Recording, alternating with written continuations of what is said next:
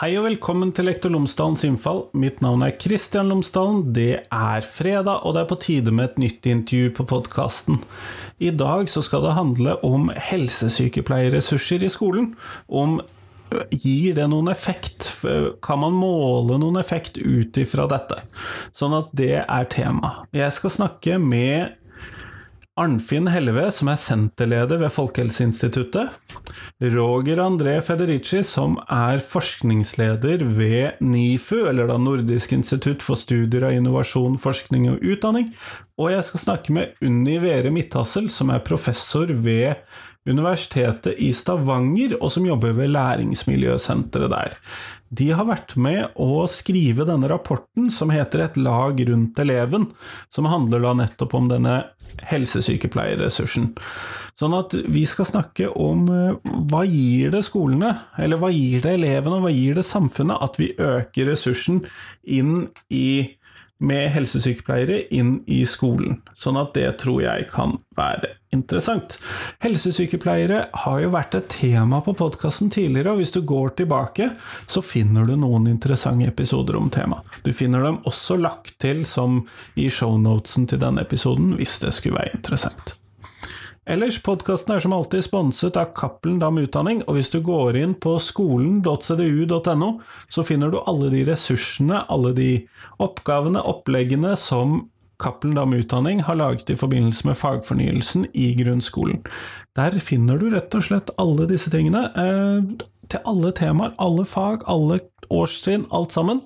Det finner du der skolen.cdu.no. Altså. Men her så får du en samtale om eh, helsesykepleierressursen med Unni Vere Midthassel, Roger André Federici og Arnfinn Helleve. Vær så god.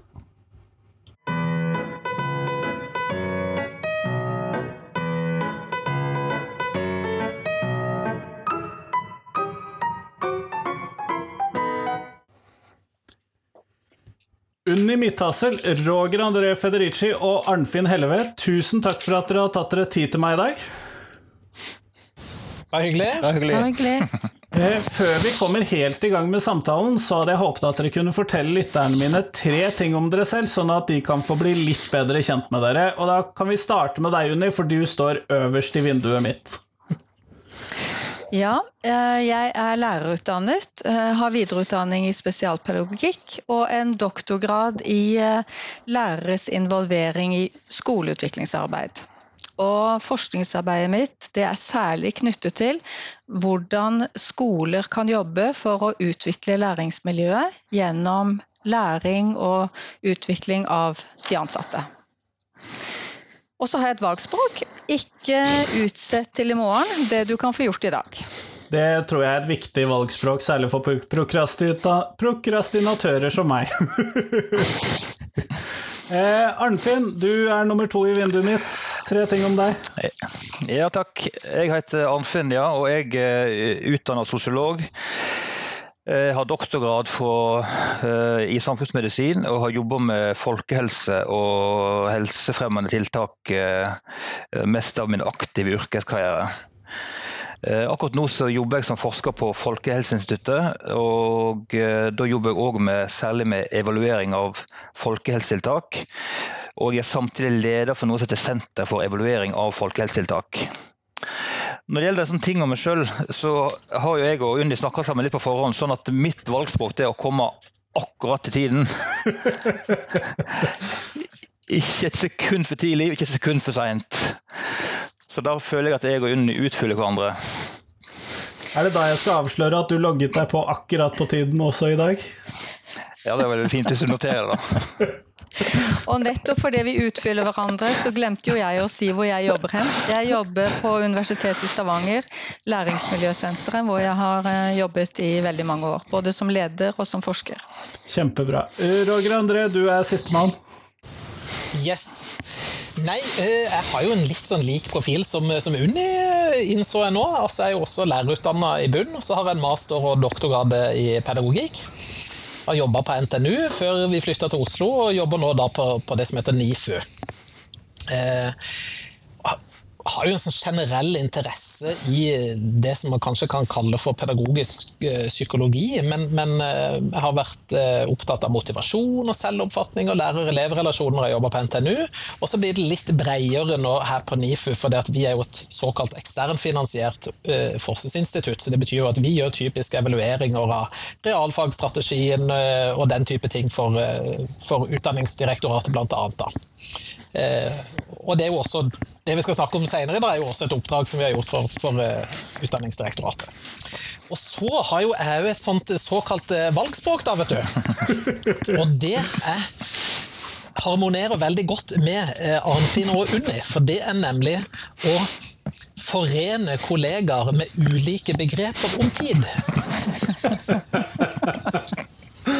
Så dette har vært en god match. Jeg hører at dere er mer samspilte enn de fleste jeg har invitert med på podkasten sammen. Det er helt tilfeldig. Men Kjempeflott. Og det er jo en av disse rapportene som du nevnte, Roger André. Fordi at dere tre har vært med å levere en rapport som handler om helsesykepleierressursen i skolen. Og effekten av det. Og kunne dere starte med å fortelle meg litt om det prosjektet? Skal jeg ta kort om bakgrunnen, iallfall? Eh, jeg kan jo begynne med det. altså Uten å gå liksom gjennom hele historikken, så så baserer jo dette seg på altså Man ante jo konturene av dette med altså flerfaglighet og flere profesjoner i skolen har jo sikkert vært på, på dagsorden eh, i mange år, men, men iallfall i dette prosjektet så spurte vi det tilbake til 2010, hvor, hvor det ble nevnt i noen stortingsmeldinger og, og arbeidene rundt det.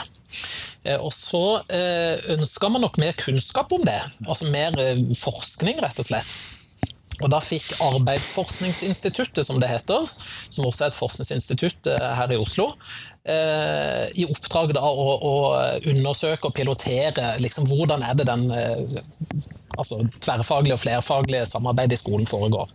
Så kom de opp med, med fem modeller, og så lyste da Utdanningsdirektoratet ut eh, det, altså et, et, anbud eller et prosjekt, eh, og hvor da eh, ulike institusjoner ble, ble, invitert til å søke og utforme da såkalte RCT-er, eller effektstudier. da. Altså Hvor man liksom har en kontrollgruppe og en, og en, en tiltaksgruppe for å undersøke liksom, er det ulike tiltak som faktisk har effekt. da. Så, så, vi leverte jo da et tilbud på det, og vant, vant det oppdraget. altså NIFU og Folkehelseinstituttet og Læringsmiljøsenteret. Og da testa vi ut, kort fortalt, eh, hvordan eh, en økt helsesykepleierressurs i skolen hadde betydning eh, for elevenes læringsmiljø, fravær og, og læringsresultater. Eh, så lå det jo litt sånn ymse føringer innenfor det. da. Og Så var det jo fire skoler, altså det var tolv kommuner som var med, og så var det fire skoler i hver kommune som ble valgt tilfeldig, og som fikk da denne økte helsesykepleierressursen i, i to hele år. Nettopp, nettopp. Ja, eh. det var iallfall det grå, altså de, de store linjene i prosjektet. Jeg vet ikke om Arnfinn eller Unni på en måte vil legge til noe, kanskje? Nei, jeg tenker det er riktig eh, alt du har sagt så langt, i hvert fall. Altså det som, som en kanskje, altså, grunnen til at instituttet på en måte blir invitert med her, er jo det er jo mest si, for vår interesse for helsesykepleierne generelt, og hva rolle de har både i skolen, men òg generelt. Og, og, En annen sånn foranledning for akkurat det med helsesykepleierne er at det har vært, altså kom en sånn nasjonal retningslinje for ikke så veldig lenge siden som på en måte pekte på hvilken type oppgave eh, helsesykepleieren skulle bli involvert i, og på hvilken måte helsesykepleieren skulle samarbeide med skolen. Så det var på en måte, altså Én ting er det, det som Åge André snakker om, som kom liksom et løp for skolen, men så er dette, det passer veldig bra inn i hvordan en innenfor for, si, helsedelen òg ønsker et, eh, et eh, sterkere fokus på dette med samarbeidsrelasjonen og, uh, mellom skole og skolehelsetjenestene.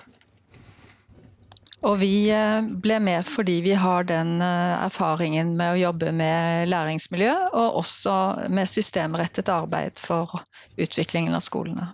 Sånn at alle tre institusjonene bidro rett og slett med noen spesialområder, med andre ord? ja. ja. Men, det var i hvert fall eh, intensjonen.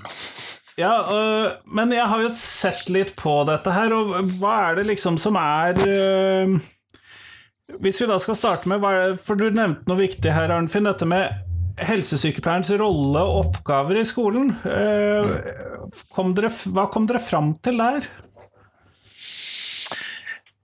Nei, altså du kan si at uh, det som er føringene i retningslinjen altså de, Retningslinjene er ganske brede, egentlig. Det er både som jeg sa, både sier noe om samarbeidsformen, og så er det egentlig lista opp veldig mange mulige oppgaver som helsesykepleier kan involvere seg i.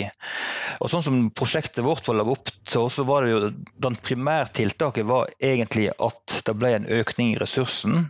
Men så var det på en måte eh, opp til hver relasjon mellom skole og skole-helsesykepleier nærmest, hvordan en gav innhold og hvordan en brukte den ressursen. Vi pekte på at vi ønsket at jeg skulle jobbe mer systemretta, etablere samarbeidsstrukturer.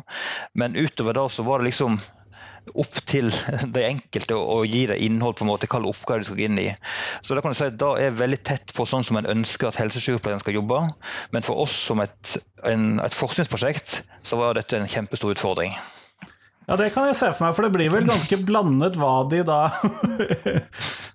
Alt fra å være med i undervisningen til uh, å bare sitte på kontoret, kanskje Jeg vet ikke, hvordan var det bildet? Vi hadde jo gitt noen føringer. Eh, var, vi laget en manual for oppstartsmøtet hvor de skulle diskutere skoleledelsen, helsesykepleier og noen av lærerne om hvordan de skulle bruke denne ressursen på et strukturert samarbeid dem imellom. Eh, og så hadde vi laget en veileder om hvordan de kunne samarbeide om eh, å bedre eh, læringsmiljøet. Så de hadde noe med seg, og vi hadde òg en workshop ganske tidlig for å sette det i gang, som ga noen retninger. Men utover det så hadde de veldig stor frihet, og det bar de jo preg av òg, intervensjonen. Jeg kan ta en liten sånn replikk på det, for det der er jo litt sånn altså Når det kommer litt sånn til det forskningsmetodiske, ikke sant? Så, så den balansen mellom på en måte at det, det oppleves som reelt og nytt riktig, eh, tilpassa lokale behov og utfordringer og den type ting, versus eh, kall det laboratoriesettinger, da, ikke sant? Som, som, kan være vanskeligere å rulle ut i praksis. Eh, fordi det kan oppleves som litt sånn klinisk og, og, og, og eh, og det er jo klart, det er jo, det er jo en utfordring i, i denne type eh, prosjekter eh, når man skal gjennomføre de, å finne den balansen som både egner til ok, er det mulig å finne effekter eh, her, versus versus ehm, eh, ja, kall det den lokale autonomien og, og friheten, da. Ja. Det ser jeg er en vanskelighet. Arnfinn? Jeg tenkte at uh, jeg kunne legge til et, Jeg tror kanskje du nå er litt usikker på når André nevnte det, men, men, det var jo i denne utlysningen ganske sånn sterke føringer at altså både med tanke på hva slags modeller en skulle søke, kunne definere et prosjekt innenfor, og, og ikke minst at det skulle være en effektstudie som skulle se på effekten på en veldig spesifikk aldersgruppe, altså 5. til 7. klasse. Sånn at det er, det er, viktig å ha med seg at dette var noen føringer som kom fra Utdanningsdirektoratet da, da, dette prosjektet ble prøvd å, å, å, tilrettelegge så godt som mulig, gitt de føringene som, som kom fra dem. Eh, var det, og dette må jeg jo nesten spørre om, fordi jeg forsto det sånn at det ble en økt sykepleierressurs, helsesykepleierressurs for de skolene som da var med i den gruppen som ble undersøkt. Men var det entydig med tanke på om, de, om disse skolene hadde en hva skal vi kalle det, en stor nok helsesykepleierressurs i utgangspunktet? For der ligger det jo noen sånne anbefalinger fra myndighetene, og hadde de det? Eller var det startpunkt fra der hvor de var, enten det var i 50% måloppnåelse eller 100% jeg kan jo begynne på det, iallfall. Og det er jo helt riktig det du sier, at, at vi tok ikke noe altså det er jo det er jo derfor man randomiserer, ikke sant? for å tenke at da får man eh, skoler som representerer både de som kanskje har høy dekning, eh, og som også representerer de med, med, med, lav dekning. Da. Sånn at relativt sett så kan du jo si at denne studien undersøkte jo sant, hva skjer når man øker eh, med eh, Litt uavhengig av hva, hva dekninga var der før, da, eh, eh, med, med, den gitte prosenten. Så kan man jo kanskje tenke seg nå, nå, reflekterer jeg mens jeg snakker her, men, men at det vil være et kanskje et litt større utbytte hvis det er veldig lavt fra før. Eh, da, da, da vil jo økninga være voldsom, eh, versus de som kanskje hadde god dekning, dekning fra før. da. Dette analyserte vi og, og sjekka. ikke sant? Var det, var det tilfeldig, hvordan det fordelte seg osv. Nå har vi jo ikke med samfunnsøkonomen som har gjort de, de mest avanserte analysene, så jeg skal ikke gå sånn kjempedypt inn i det, men, men dette ble på en måte tatt høyde for å, å undersøke da, i, i, rapporten. Men det, men det, er jo klart at sånn, så Dette er jo tilbake igjen til designet, på en måte, at dette var viktig. Sånt. Men, men altså, for å snakke litt om uavhengig, da, så, så, er det jo klart at dette med normtall det er vel altså med, Så vidt jeg husker, så tror jeg at samfunnsøkonomen vår prøvde liksom å, å analysere uh, resultatene på den måten, i stedet for å se på om det var tiltak eller intervensjon. Bare se på hvordan skoler med god dekning versus uh, bra dekning, om det var noe, om, om det ga et annet bilde. Uten at jeg husker om det nødvendigvis ga så stor forskjell. Men, men jeg tenker at uh, altså det, du kan si at det er jo en slags sånn Eh, et valg som på en måte prosjektet har tatt. Og På samme måten så er jo den økningen som var i prosjektet, den var veldig spesifikk. Altså, det var en viss prosent, et visst antall timer. Så det, så det er også veldig viktig når en liksom, uh, leser rapporten og, og, kanskje de litt manglende resultatene, at uh, da er ikke resultatene av å øke helsesykepleierressursen generelt. Dette er resultatene av å øke en spesifikk økning. Sånn, så en kan godt tenke seg at Hvis økningen var enda større, så kunne en kanskje sett andre ting. Eller som du sier, antyder at hvis en lagde noen relative økninger i forhold til hva en hadde fra før. og sånt. Sånn at det, det er en del ting her en kan uh, diskutere. Ja, også det at det skulle være en spesiell økning på nettopp de eh, femte til sjuende trinn. Ja. Som jo også krevde, hvis de skulle være tro mot det, at de holdt tunga beint i munnen, og, og, det var der de brukte ressursene. Uh, ja. Nettopp, nettopp. Det høres jo veldig spennende ut å gjøre denne typen undersøkelser av et sånt uh, fenomen som dette, da. Eller et sånt uh, område. Kjempeinteressant og kjempespennende og kjempegøy å få lov til å gjøre sånne, sånne typer studier i praksis. Mm. Det er veld, veldig givende.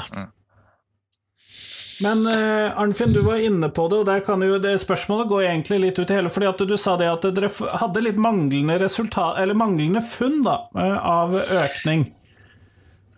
Ja, jeg, jeg, vil Jeg tror jeg skal gi Roger altså, eh, Kanskje Roger André kan si noe om det generelle funnet. Altså kan, bare for sånn at det er klart at altså Innad i prosjektet så er det på en måte Roger André og gruppen hans som har vært ansvarlig for den kvantitative analysen, effektstudien. Så har jeg og Unni jobba med den kvalitative delen mer. Selv om alle har vært en del av prosjektet. Så jeg føler kanskje at Roger André du kan svare ut eh, dette med de overordnede effektresultatene. Ja, det gjør jeg gjerne. Eh, altså, det, det, var jo et omfattende datamateriale. Og så er det jo også sånn ikke sant, at vi skal involvere altså Det er jo nesten snakk om titusenvis av elever og den type ting. ikke sant? Hvor stor belastning skal man legge på lærere, skoleledere, skoleeiere, elever, kontaktlærere osv. Så, videre, og så, så det jeg skal frem til, er jo også noe med altså Kall det datakvaliteter, hvilke kilder man kan bruke for å, for å, hente inn data som kan si noe om det faktisk har vært endring. Da. Men vi brukte jo elevundersøkelsen eh, bl.a. på å måle trivsel, eh, mobbing, eh, digital mobbing, eh, den type ting. Og så fikk vi jo rapportert elevenes fravær fra skolene. Eh, eller de systemene som de brukte. Og så bestilte vi jo da eh, registerdata fra Statistisk sentralbyrå for, med, med resultatet på nasjonale prøver. Og vi finner jo ikke noen, noen eh, tydelige effekter på det som vi kaller for primærutfallene. Og, jeg kan si veldig kort hva det betyr, kanskje. for det når man skal gjøre et sånt prosjekt, så er det litt viktig at man definerer på forhånd hva er det vi skal lete etter. For du kan jo si, Hvis du leter lenge nok, så finner du jo noe. Eh, så det er jo viktig at vi har en hypotese på forhånd. Det er dette vi ønsker å se om det har betydning for. Eh, og så valgte vi ut noen eh, mål, eller variabler, som vi kaller det. Som altså er ikke sant, trivsel og tilhørighet til skolen og den type ting. Så det målte vi gjennom elevundersøkelsen. og Der fant vi jo ikke noe funn. Eh, men vi fant jo eh, bl.a. En, en liten reduksjon i andelen elever på tiltaksskolene som oppga at de var blitt digitalt mobba. Det har vi ikke noe veldig god forklaring på akkurat nå, for det kan også være en statistisk mulighet til at, at, at gruppene er litt forskjellige i utgangspunktet. Men, men, nå er det også sånn at vi har, som, eh, altså vi har en opsjon eller en videreføring av prosjektet. Så, så bl.a. Arnfinn og, og, og, Unni er ute i felten og, og, gjør kvalitative intervjuer og ser om vi klarer å fange opp noe, eh, noe mer rundt det.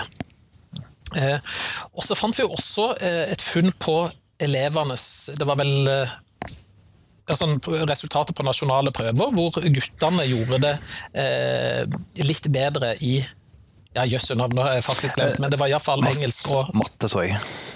Matematikk. Jo, ja. ja matte og jeg tror det var regning. Mm. Uh, og der er vi litt sånn usikre på hva det kan skyldes. Ikke sant? Og igjen, Når man tester veldig mye forskjellig, så er jo sannsynligheten for at man finner noe alltid til stede, ikke sant? og som kan være tilfeldig, men det trenger ikke å være det. Eh, vi spekulerer litt på om helsesykepleier eh, har, eh, har avlasta læreren, sånn at det er blitt tid til å, å Altså at læreren har kunnet gi mer oppmerksomhet til, til hele klassen, eller de som har utfordringer, eller hva det måtte være. Vi spekulerer også på noe som iallfall eh, i litteraturen kalles for peer effects. Jeg vet ikke hva som er en god norsk eh, oversettelse, men altså venneeffekt. At, at når det får betydning for, for, noen, så kan det også få betydning for flere. Da, at det kan spre seg. Uh, ja, så, så, Det er jo da eh, de, de kvantitative funnene. Og så skal vi legge til det at Når det kommer til nasjonale prøver, så, så hadde vi jo bare eh, data for halve populasjonen, eller halve elevgruppa. Altså, for Det var jo ikke alle ikke sant, som hadde begynt i syvende klasse enda, men som var, var, en del av prosjektet, og som hadde gjennomført nasjonale prøver. Så nå får vi nye Altså vi dobler eh, antall elever eh, i den neste analysen nå. Vi har ikke gjort de analysene enda, men det skal bli spennende å se om særlig, altså det er jo kun det funnet på nasjonale prøver, om det holder seg eh, også nå når vi har et større utvalg elever. Og Hvis det holder seg der, så kan vi jo nok være mer trygge på at dette har nok noe med prosjektet å gjøre, og så må vi finne noen gode forklaringer på hvorfor, eh, hvorfor vi finner det vi finner. Kjempeflott. Uh, Unni, eh, kunne du ha sagt noe mer om de, hvilke sånne kvalitative undersøkelser var det dere gjorde i denne sammenhengen? Eller i dette prosjektet? Uh, ja, vi gjorde 42 intervjuer. Uh, mener jeg det var, på 13 skoler i fem ulike kommuner. Der vi intervjuet helsesykepleier, eh, vi intervjuet rektor og en gruppe med lærere eh, på 5. til 7. trinn. Nettopp for å høre om hvordan de samarbeidet, eh, på hvilken måte de brukte helsesykepleier, og hvordan hun opplevde rollen sin, og, og, hvordan de også opplevde rollen. Det var både for å se om de implementerte eh, prosjektet sånn som vi ønsket, eh, men det var også for å få mer tak i hva er, det, hva er egentlig helsesykepleiers rolle på denne skolen, og hvordan er de samarbeidsrelasjonene der. Det var jo sånn at Dette handlet jo om et systemrettet arbeid. og og det begrepet systemrettet arbeid er jo ikke i seg selv helt enkelt. Eh, noen ser på det systemrettede og individrettede som to eh, helt forskjellige ting. Mens vi er opptatt av å ha et, et, holistisk eh, forståelse av det. Der du kan ikke ha et system uten individ. Sånn at nettopp når man, når man samarbeider i det de, Blant de voksne samarbeider i miljøet, så er det jo om elevene enkeltelever eller grupper av elever. Så det var vel i hovedsak sånn eh, helt bredt. Arnfinn, vil du følge på nå? Nei, altså da syns jeg eh, Jeg kjenner meg igjen i det du fortalte, Unni. Det er godt. men, men, jeg bare tenkte at det var en sånn uh, mer generell ting som, som jeg tenker også er litt sånn interessant, som vi for så vidt har fått bekrefta i, i uh, de kvalitative intervjuene særlig. Da. Det er dette med at uh, det er denne situasjonen med at alle helsesykepleierne de, de, de er totalt fullbooka. Det, det, er liksom sånn overveldende oppgaver og henvendelser. Og da er sånn, Det er gjennomgående. Det er liksom, hvis du snakker med en helsesykepleier i skolen, så vil alle si at de har det utrolig travelt. Så da, så da, er jo på en måte en side ved helsesykepleierne. Det andre er at det som vi erfarte, særlig i intervjuene, er at de er veldig populære i den forstand. Det er veldig etterspurt hva skal jeg si, uh, yrkesgrupper. I den forstand at sånn som lærere sier at de ønsker seg mer, de syns det er dumt når de ikke har tid til å hjelpe dem. Det samme sier rektorene. Så det er jo en litt sånn, Jeg mener at det er et veldig sånn godt fundament for å, å, tenke gjennom hvordan denne tjenesten skal komme skolen til gode. At skolen på en måte ikke stiller spørsmålstegn med hvorfor helsesykepleierne er eller heller ikke stiller spørsmålstegn om kompetansen, men tvert imot ønsker seg mer inn av det. Og så er det noe vi har snakket om òg eh, både i forrunde og nå, og sånt, så er det jo det, dette med sånn flerfaglighet. Hva er det her egentlig handler om? Handler det om at helsesykepleien er en unik profesjon, eller handler det rett og slett om å ha flere folk med ulik bakgrunn inn i skolen? Så, så, da, det er jo litt sånn interessant, uh, interessant å, å, ha med seg. Da. Men dette med at de er så, de er så si, godt likt og, og og ønsket av skolen, da er jo eh, bare positivt, tenker jeg. da. Det er jo mange måter å samarbeide på. Du kan samarbeide ved å fordele arbeid. Eh, men vi fikk jo også noen gode eksempler på hvordan samarbeide på en måte som gjør at det virkelig hjelper elevene. Eh, F.eks. når eh, helsesykepleiere og lærere samarbeider om å følge opp elever som er i en sårbar situasjon. Der helsesykepleier har noen samtaler med eleven og læreren har andre eh, samtaler med eleven, og der disse bygger på hverandre. Og der hjemmet eh, også er involvert på en måte som gjør at de kan hjelpe eleven over kneika. Um, på samme måte så har vi også eh, eksempler fra altså Alle helsesykepleierne har jo helsefaglig undervisning eh, i klassene. Og Det òg kunne gjøres ved at man bare setter av tid på timeplanen, og så er det helsesykepleier som gjør undervisningen, og læreren har noen andre elever i den tiden. Men vi, vi så også eksempler på der lærer og helsesykepleier sammen planla og sammen gjennomførte eh, undervisningen, noe som gjorde at da læreren også kunne følge det opp i ettertid det kunne tilpasses mer akkurat den elevgruppen. Så jeg syns vi fikk noen sånne gode bilder på hvordan få til et systemrettet, godt samarbeid. Eh, eksempler på det. Men jeg syns jo, jo, dette er veldig interessant, fordi at det høres ut som helsesykepleierne driver med veldig mye mer forskjellig enn hva jeg ville klart å eh, tenke ut sjøl på egen hånd, da, for å si det sånn. Ja. Men jeg tror dette handler litt om, om et altså En ting som vi òg har sett eh, når vi snakker om samarbeid, så, og som på en måte har fulgt opp nå i, i den datainnsamlingen vi holder på med nå, og analysene, er dette med om en kan tenke, tenke, seg at om det er noen grep som kan gjøres for å få litt mer struktur over samarbeidet mellom skole og skolehelsetjeneste. For Det vi ofte ser er at det, det ofte blir eller I mange tilfeller blir det opp til den enkelte helsesykepleier å definere sin rolle på en bestemt skole. Så homo, jeg sier hun fordi det er jo nesten bare kvinnelige helsesykepleiere. Men i hvert fall helsesykepleieren må etablere kontakt med rektor, og så må de på en måte sammen hele tiden finne hvordan rollen skal vi kalle oppgave helsesykepleier skal ta på seg. Og Da gir jo at det er et ganske sånn sårbart system. Sant? fordi at Når en helsesykepleier går ut i permisjon eller uh, skifter jobb, eller andre typer ting, så, så, er det spørsmålet hva skjer da? Må neste helsesykepleier starte fra scratch, eller er det sånn at uh, er det noen strukturer da som, som en kan liksom gå inn i og jobbe videre med? da? Så, så, så det er jo en sånn uh, en slags balansegang mellom at du det er en styrke i sånne gode relasjoner som har vokst opp over tid, men det er samtidig veldig sårbart. Og du ser altså, når vi har vært, Nå har vi holdt på i dette prosjektet i noen år. Sant? og for dette med utskiftninger i helsesykepleierne da er ganske, virker som et veldig vanlig fenomen. Kanskje enda mer vanlig enn rektor- og lærerskifteposisjon, men det virker som at en veldig høy sånn utskiftingsgrad blant helsesykepleierne som, som, på en måte peker på denne utfordringen med hvis det ikke er gode strukturer, at da blir det litt mer sånn personavhengig fra tid til tid. Mm. Men har det noen betydning hvor helsesykepleieren holder til? Har det noe å si i dette bildet, eller eh, er det det samme om eh, en, tre skoler deler på én som har et kontor i midten, eller eh, sånn? Ja, det var jo noe av det vi så. Altså Tilgjengeligheten, det at eh, helsesykepleier faktisk er tilgjengelig, er på skolen over tid. Um, har en god tidsflate, men samtidig at hennes kontor er plassert sånn at eh, det er i hjertet av skolen.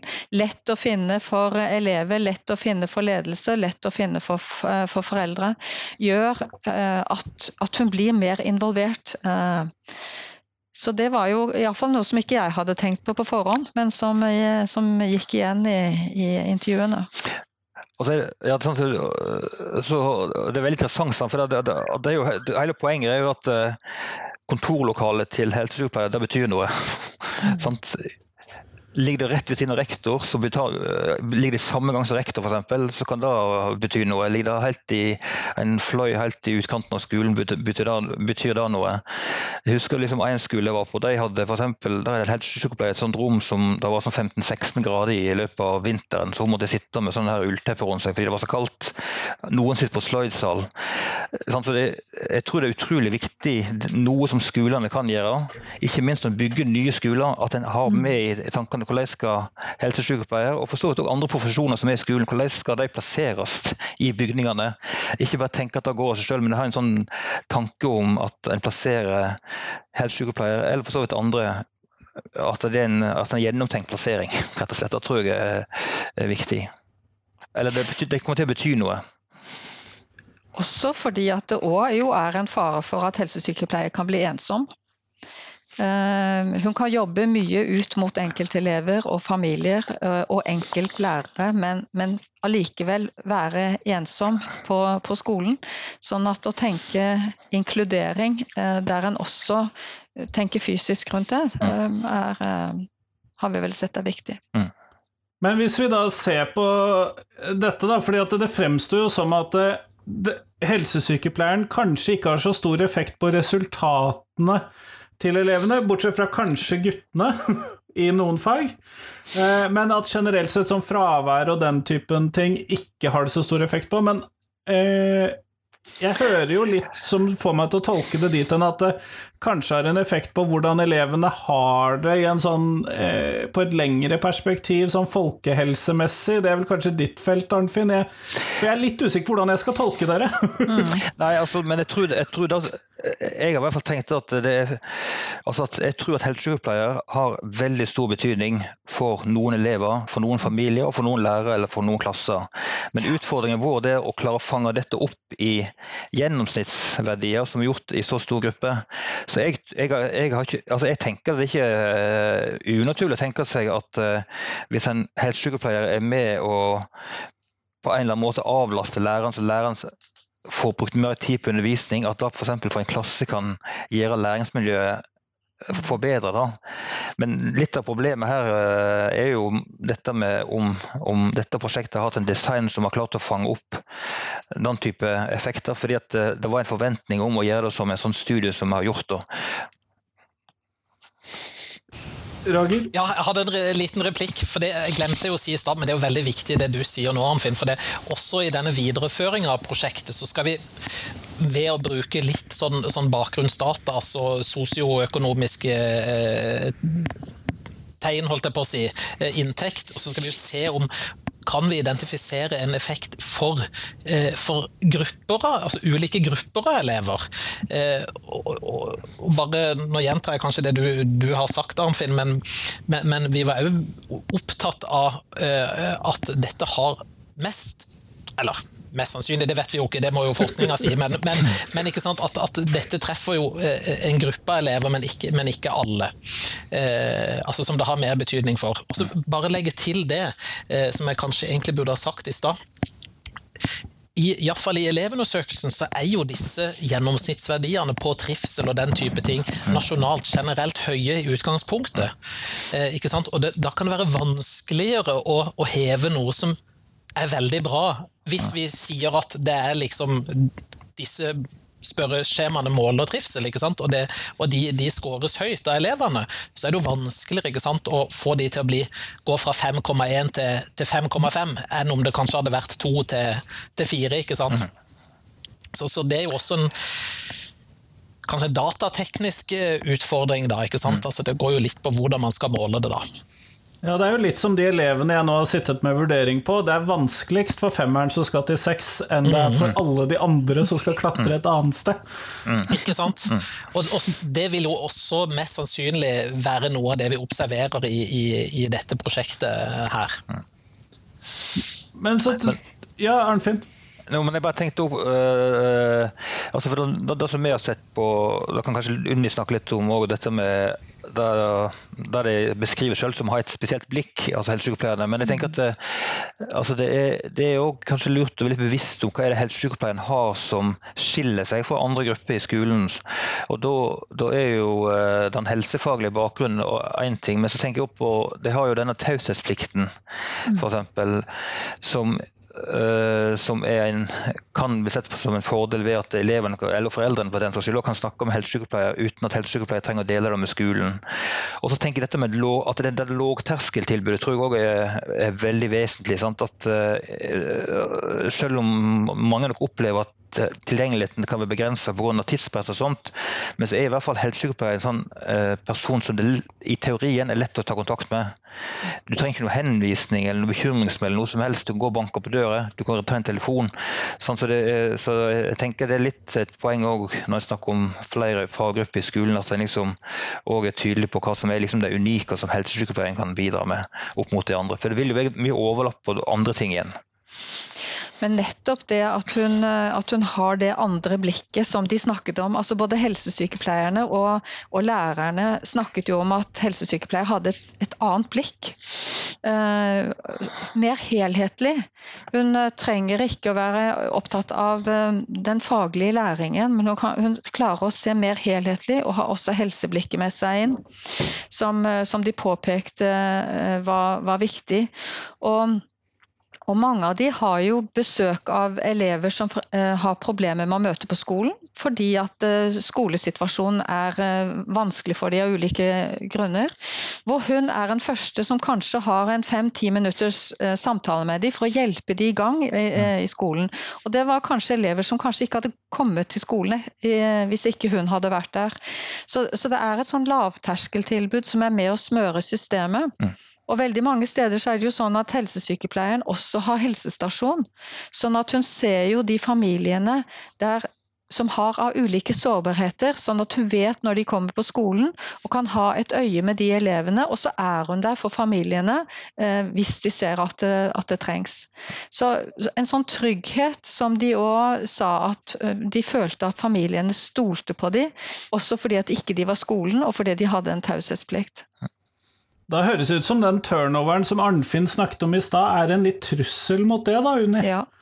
Ja, det, det, er det. Og, og, og det, derfor så, så, tenker vi vel at det må det bør være noen systemer som sikrer at når det kommer en ny helsesykepleier til skolen, så er det en rektor der som sier 'velkommen til oss', sånn pleier vi å jobbe her hos oss. Og, og introduserer til lærerne og tar med på foreldremøter og hjelper i gang. Sånn at, at, det ligger der, så ikke de bruker så veldig lang tid på å skulle jobbe opp de relasjonene som er nødvendige. Eh, for, for turnover tror jeg er den, den største trusselen som, eh, som, vi så. Og det er klart at eh, jeg, Nå husker jeg ikke de siste tallene, men jeg, jeg tror hvis, hvis en liksom det, det, det, blir opplevd for kommunene at det er vanskelig å få ansatt folk med helsesykepleierutdanning. Så det er på en måte et en slags misforhold mellom si, behovet for helsesykepleiere og de som er utdanna. Det er selvsagt noe her i tillegg også som gjør med hvor er det, hvilken kommune er det som har behov og ikke. sant? Men, men, det er sånn at i, i flere av de prosjektkommunene våre også var det jo sykepleiere som jobber som helsesykepleiere. Altså, på en måte som under dispensasjon, da, fordi de ikke har klart å få utdanna helsesykepleiere. Så det, det, er flere ting med systemet som er litt sånn sårbart, ja. Nettopp, nettopp. Eh, Roger André, tenker du at det kunne, kunne det være fruktbart å gjøre tilsvarende undersøkelser på andre alderstrinn? Fordi at For meg så fremstår det litt som begrenset å bare undersøke mellomtrinnene, hvis man skal se på hvilken effekt dette har over tid. Ja, det, og det har jo også vi diskutert. Eh, jeg vet ikke om vi har diskutert det i rapporten, men vi har iallfall diskutert det i, i forskergruppa. At, at, eh, det kunne jo f.eks. ha tenkes, altså hvis man ser det i sammenheng med tidlig innsats, ikke sant? Altså hadde det vært interessant å gjort dette på, på enda lavere trinn, f.eks. Eh, man kunne også tenke seg at når puberteten virkelig slår inn på ungdomsskolen, ikke sant? At, at en av mange ting da som skjer ikke sant? Når, når man blir, blir eldre, at, at, det hadde vært interessant også der. Og så er det jo sånn, ikke sant. Altså To år eh, kan virke lenge eh, av og til, men, men det er jo klart det tar jo også tid før, før ting, ting, setter seg og, og, eh, og, praksis endrer seg. ikke sant. Det, det, det er ikke sikkert at, at, to år er lenge nok. Men igjen, ikke sant, der er jo der er det noen rammer. ikke sant? Hvor mye penger er man villig til å bruke for å teste ut ting, versus eh, ja, osv. Bare legge til en replikk.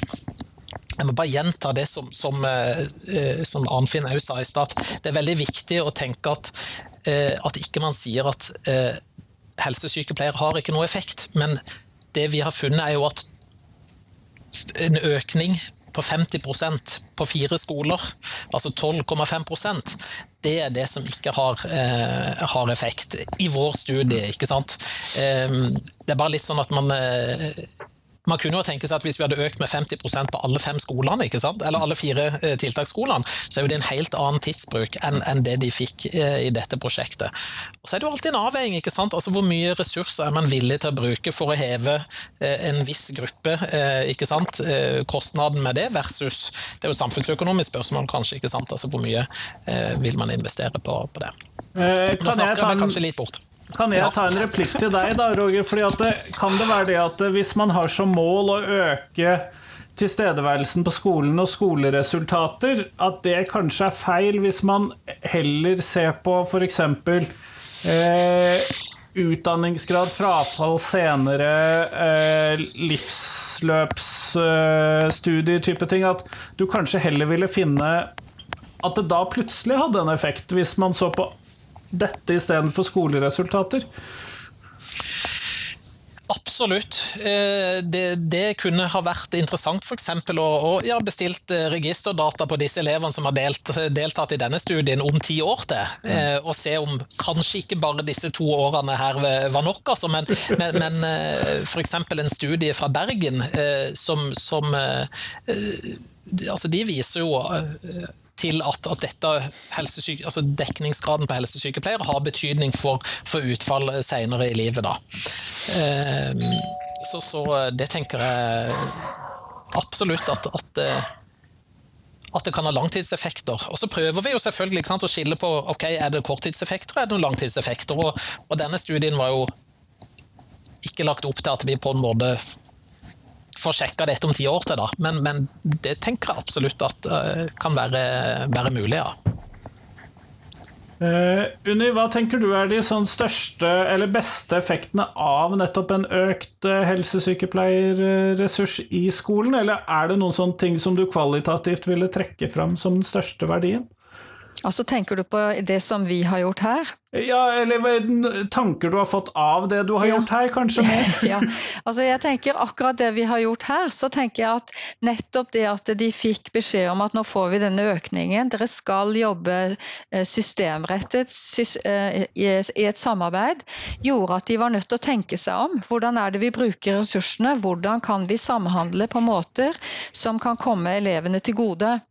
Eh, og det var jo vi har jo snakket med, med helsesykepleiere som, eh, som, fortalte at de òg var på andre skoler. sånn at de, de, tok jo med seg gode ideer på å jobbe sånn over til de andre skolene de var på også. Så du kan si at på en måte så blir det en lekkasje til kontrollskolene. Men på en annen måte så kan du jo si at da var jo Man sprer den måten å jobbe på. Uh, som, som gjør at de jobber i tettere samarbeid med ledelsen og med eh, lærerne enn det de har pleid å gjøre før.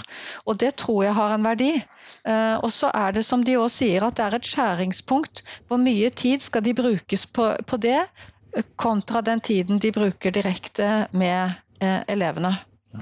Det, det er et balansepunkt der. Kjempeflott. Vi går mot slutten av tiden som er satt av her i dag. Og det jeg da vil stille dere spørsmål om, er det samme som jeg har stilt til alle de jeg eh, intervjuer. Eh, og så kan dere jo rekke opp hånden den som har lyst til å melde seg først. Men hva er de tre viktigste tingene som skolen lærer elevene? Altså, ja, Arnfinn begynner. altså, jeg, har, jeg, har, bare én ting. Jeg, har. jeg, tenker at Det viktigste elevene kan lære på skolen, det er å bli gode mennesker. I, I, opplæringsloven tidligere så sto det at de skulle utdannes til å bli gagns menneske i heim og samfunn. Og det, det er et veldig godt uttrykk. Uh, og med det så tenker jeg bl.a. det at uh, sosial emosjonell læring hånd i hånd med faglig læring uh, er viktig. Uh, Unni, du aner ikke hvor mange som har sitert den linja på det spørsmålet. uh, det er åpenbart at den som skrev linja, har fått god uttelling for den.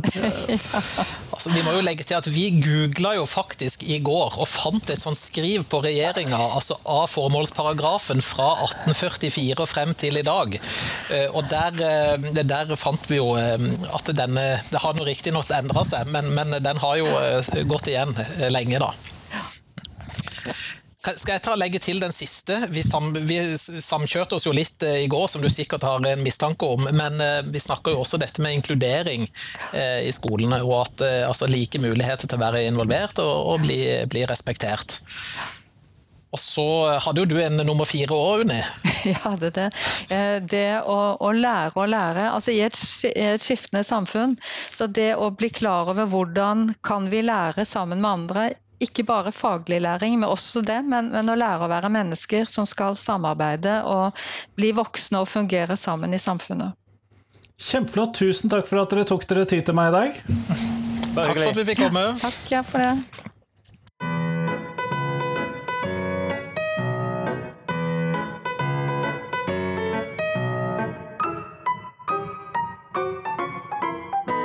Tusen takk til Roger André, tusen takk til Unni, tusen takk til Arnfinn. Og tusen takk til deg som hørte på podkasten. Nå er det fram til tirsdag, så er det nytt intervju på podkasten, men det er først på tirsdag. Nå tror jeg også det skal være slutt på sånne ekstraepisoder, i hvert fall for en liten stund. Og så får vi satse på at vi klarer å holde to episoder i uken resten av året også. Men nå skal du få lov til å ta helg. Eh, det vil si, jeg gir deg ikke lov, det er helg. Men jeg satser på at du får en fin helg, og at du får slappet av. Og så er det vel skolestart faretruende nært på mandag, i hvert fall for de fleste av oss. Så ha en fin helg. Hei, hei!